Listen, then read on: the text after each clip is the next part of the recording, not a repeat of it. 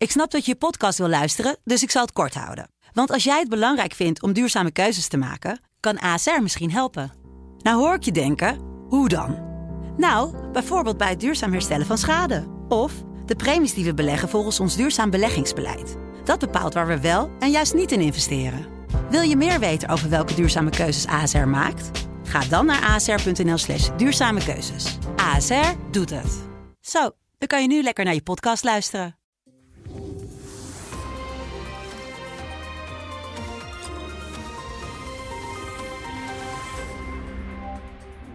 En welkom weer bij het wekelijks gesprek met de hoofdredacteur van de Telegraaf, Paul Jansen. Paul, we gaan het hebben over stikstof. Ja, Want dat houdt jou uh, nogal bezig. Nou ja, leuk. Uh, het is een zeer belangrijk punt voor dit kabinet. Uh, 60 miljard wordt er in klimaat- en stikstofbeleid gestoken. Ik geloof 25 miljard zit er in het stikstoffonds. Ja. Dus het heeft zeer met veel een, belang. Met een aparte minister. Ja, van der Wal. En uh, was deze week weer een hoop over te doen. Met uh, ten eerste een lijst van de, de grootste stikstofuitstoters. Uh, die die niet correct bleek te zijn, stonden fout in. Boeren werden daarmee weer in de beklaagde bank gezet. Wat toch echt, echt, echt een slechte zaak is in Nederland. Hoe daar met die agrarische sector wordt omgegaan. Uh, het tweede is natuurlijk dat er een debat was deze week. En ook uh, Bouwen Nederland een VNO aan de bel trokken. Zei ja, weet je, met, met, met het beleid dat we nu voeren. gaan uh, hmm. de komende jaren die achterstand in de woningbouw. die gaat helemaal niet opgelost worden. Ja. Christiane van der Wal die probeerde uit te leggen hoe het stikstofbeleid werkt. Ja. Het is allemaal niet zo eenvoudig. en ze maakte een opvallende vergelijking. Ik probeer wel eens te lijnen. En ehm, stel nou dat ik twee taartjes per dag eet en ik wil lijnen en ik beslis om één taartje per dag te gaan eten, dan ben ik aan het lijnen. Uh, maar het is niet voldoende om, uh, om uh, bikini-proof in maatje 36 rond te gaan huppelen. Het blijft te veel calorieën. En dat is precies zo met stikstof. We kunnen het laten afnemen. en de sector zet zich enorm in om stikstofreductie in te zetten. Dat gebeurt volop. maar het is gewoon niet genoeg. En dat heeft ermee te maken dat we blijven, hoe het is steeds minder, maar we blijven toevoegen. En stikstof, het stapelt zich op. Ja, het is een originele metafoor van het taartje. Onbegrijpelijk. Wie heeft dit bedacht? Kijk, even, even een paar dingen. Uh, uh, sinds 1990 is uh, st stikstofuitstoot in Nederland met 64% gedaald, volgens de officiële zet. 64% gedaald. Stikstof, onze columnist Ronald Plasterk heeft het daar vaker over. Als een man met een uh, beta-achtergrond die weet waar hij over praat. Stikstof wordt ook hier weer voorgesteld als een soort gif. Maar dat is het niet. Stikstof is een belangrijke bouwsteen voor de natuur. Het, het, probleem is alleen dat we in, in, in Nederland natuur hebben op voedingsrijke grond. Maar je hebt ook natuur op voedingsarme grond. En wat stikstof doet, is uh, op die voedingsarme grond dat verrijken. En daardoor gaan bepaalde planten die uh, eigenlijk goed gedijen op grond met weinig voedingsstoffen. Uh, die gaan dan verdwijnen en die worden vervangen door planten die goed gedijen op, op grond met voedingsrijke stoffen. ik heb me laten vertellen dat de bramenstruik het dan heel goed doet. Okay. En bijvoorbeeld hij wat minder. Het heideplantje, ja. Maar nu komt het. We hebben in Nederland, dat is de kern van het probleem. En dat is de, de, de reden waarom we 25 miljard je moet je 25 miljard gaan reserveren en een aparte minister met, uh, met vreemde vergelijkingen. Uh, dat is, de kern van het probleem moet nog even worden geschetst. Want we hebben in Nederland, in dit kleine land, ruim 160 Natura 2000 gebieden aangewezen. Ik heb even gekeken. in België zijn het er trouwens meer. In Frankrijk, is natuurlijk een groot land, barst het ook. Dus het is niet, zo, niet zozeer dat wij uh, wordt altijd een beeld gezet alsof wij heel veel kleine gebiedjes hebben aangewezen waardoor het hele land lam ligt. Dat valt op zich nog wel mee. Maar 160 natuurgebieden aanwijzen, waardoor je in de omgeving daarvan allemaal beperkingen ja. hebt, dat, dat, dat, is wel, dat is wel één ding. Maar de, het echte probleem zit erbij dat we vervolgens uh, een Europese richtlijn in Nederland tot beleid hebben gemaakt. Waardoor de grens van, van waar je over die stikstofrand gaat, ligt hier bijvoorbeeld uh, uh, zevenmaal lager dan in Duitsland.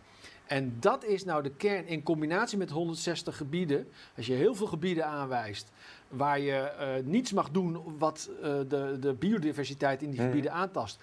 En je gaat vervolgens hele strenge regelgeving Ja. maken. Ja, dan kom je in een klem terecht. En in die klem is Nederland, is Nederland terechtgekomen. En wat we de afgelopen jaren zien met het stopzetten van 18.000 bouwprojecten. Met nu megalomane eh, miljardenbedragen om, om problemen op te lossen. Wat eigenlijk betekent dat hele sectoren moeten worden uitgekocht. Mhm. Is allemaal het gevolg van dat we ons hebben klemgeschaakt in een papieren werkelijkheid. Ja. En daar zou iets aan moeten, moeten gebeuren. Want nu wordt er gezegd, we, we, we houden ons vast aan eh, de richtlijnen, de regels die we zelf hebben gesteld. Daar zijn ze ook toe gedwongen natuurlijk. Maar jij zegt er zou eigenlijk een ander inzicht moeten komen waarin ze nieuwe richtlijnen Nou, kijk, er is-. Er is al in het vorige kabinet is al gekeken van kunnen we dan eh, die eh, 100, ruim 160 eh, natuurgebieden die, zijn die zo'n stempel hebben gekregen van Mhm. Natura 2000 met alle beperkingen van dien, kunnen we daar niet wat aan doen? Nou, dat blijkt niet te kunnen. Want dat is ook weer, eh, er zijn Europese afspraken gemaakt wanneer zo'n stempel van zo'n gebied af kan worden gehaald. Eh, en en dat, is, eh, dat is niet haalbaar. Dan zou de, de, de natuur onherstelbaar beschadigd moeten zijn. Maar goed, voordat je zover bent, eh, heb je al allerlei procedures lopen van organisaties Ja. die met overheidsgeld worden gesubsidieerd. Ook nog eens een keer. Hè. De overheid subsidieert eh, de eigen oppositie hier ook nog eens een keer buiten de Tweede Kamer. Maar dus het is, het is technisch ingewikkeld. Maar minstens zo belangrijk, er is gewoon geen politieke wil. Want als je kijkt wat er in het regeerakkoord staat. In het regeerakkoord staat niet alleen natuur beschermen. Maar er staat ook nog eens een keer in dat ze de biodiversiteit, dus de veelheid aan planten die op rijke en arme eh, grond eh, groeien, wil herstellen. Ja. Dat is nogal een ambitie. En ik denk, ja jongens, jullie willen alles tegelijk. En als we het dan hebben over natuur in Nederland. Er bestaat helemaal nog geen, geen oernatuur. Het is allemaal aangelegd, het is allemaal bedacht. En, en wij willen eh, met, met z'n allen, en ik ben niet tegen natuur, hè, eh, don't get me wrong. Maar wij willen met z'n allen altijd van alles en dat gaat gewoon niet. En eh, daardoor zijn we nu op, op zo'n idiote manier aan het vastlopen. En deze minister komt met taartjes aan. En ik denk, ja jongens, waar gaat dit nou Ja, nog over? Want eh, je zit inmiddels met het punt dat eh, Van der Wal, eh, dezelfde minister, zegt... het, het, het, het gedwongen uitkopen van boeren is een optie die op tafel ligt. Ja. Bouw het Nederland maakt zich grote zorgen. Hè. Er moeten 100.000 woningen per jaar komen. Die zeggen op deze manier is het helemaal niet haalbaar. Laat staan in de Randstad. Ja, Minister Hugo de Jonge van Wonen, hè, die zegt we moeten voorwonen. voorwonen. We moeten verplicht plaatsen gaan aanwijzen waar gebouwd wordt. Dus het loopt inderdaad vast aan. Maar je- maar je- kijk, jij hebt het over het uitkopen van boeren. Moet je nou eens voorstellen. Nederland is staat natuurlijk bekend hè, met, met de veeteelt. Wij exporteren heel veel vlees eh, naar, naar andere Europese landen. De, de, de, eh, ja, wij, wij eh, produceren hier in Nederland met die sector meer dan wij in Nederland nodig hebben. Tegelijkertijd is er door overheidsbeleid, door decennia heen, is de Nederlandse veeteeltsector is heel erg geïnnoveerd. Is, is, is eh, niet alleen grootschalig, maar eh, door de, omdat het zo modern is, is het eh, ook eens van de, van de minst vervuilende in Europa. Nu gaan we door, door die papieren werkelijkheid die we hier hebben gecreëerd, stel je nou voor, dan gaan we de boeren uitkopen. Weet je wel wat dat betekent? Dat betekent echt niet dat men in Italië minder vlees gaat eten. Nee, men gaat daar nieuwe boerderijen openen die een stuk vervuilender zijn dan wat we hier sluiten. En, en waarom? Allemaal omdat wij hier aan onze regeltjes willen doen. Terwijl uiteindelijk i- is de natuur natuurlijk over de volle breedte slechter af. Hmm. En dat zijn, dat zijn van die gekmakende dingen waarvan je denkt van, van waar zijn we nou allemaal mee bezig? En is er nou niemand in Nederland of in Europa die zegt, ja deze waanzin moet eens een keer stoppen en we moeten, we moeten eh, eh, praktisch zijn. In, in, en realistisch zijn in hoe Ja. wij beleid maken. Nogmaals, niemand is tegen natuur, maar dit is totaal aan Ja. het doorslaan. En, en nog één punt, ehm, want als je naar het huidige kabinet eh, kijkt met eh, VVD, D66 eh, en ook Christine CDA, maar dan lijkt het alsof juist dat punt van we moeten de, het herstellen, Ja. dat dat iets is wat niet zomaar ingeslikt zal gaan worden, dat punt. Nee, maar dan nogmaals, hè, wat, wil je nou, wat wil je nou herstellen?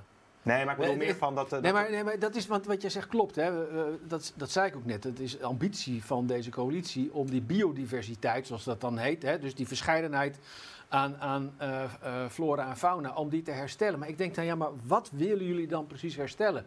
Er is geen oerbos in Nederland. Dus in principe alles wat we hier aan natuur hebben, dat is allemaal bedacht en aangelegd en, en, en gecreëerd. Wat wil je nou precies herstellen? En het tweede is, het is, het is, het is, dat zie je op meer dossiers. Weet je, men, men, men denkt dan dat, dat, dat, je, dat de wereld statisch is. En dat is de natuur natuurlijk ook niet. En ik pleit er niet voor om dan te zeggen, weet je, dan uh, ga maar lekker je gang en dan hebben we straks uh, alleen nog maar, alleen nog maar uh, bramen in, in de Nederlandse natuur staan. Daar gaat het niet om.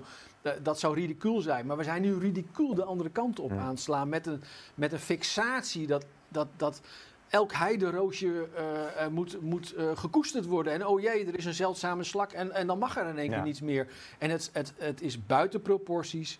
Uh, en allemaal dat op basis van iets wat we zelf hebben gecreëerd. Want het is gewoon niet uit te leggen dat we in Nederland zo krampachtig met dit dossier omgaan.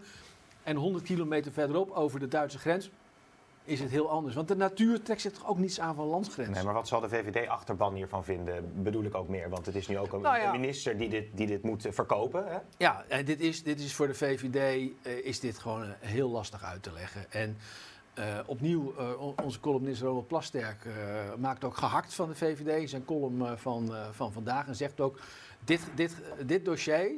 En met stikstof gaat de VVD nog uh, lelijk opbreken. En ik, ik, denk dat hij daar gelijk in heeft. Want weet je, voor een liberale partij is dit gewoon niet uit te leggen. Maar het is ook niet te verdedigen, omdat mensen niet gek zijn. En die zien gewoon dat we hier in een soort, niet alleen in de papieren, maar zo langzamerhand ook in een parallele werkelijkheid met z'n allen worden gerommeld. En dat is niet iets waar Nederland van houdt, maar ook iets, niet, niet iets waar de VVD normaal gesproken voor staat. Oké, okay, Paul, dankjewel. Graag gedaan.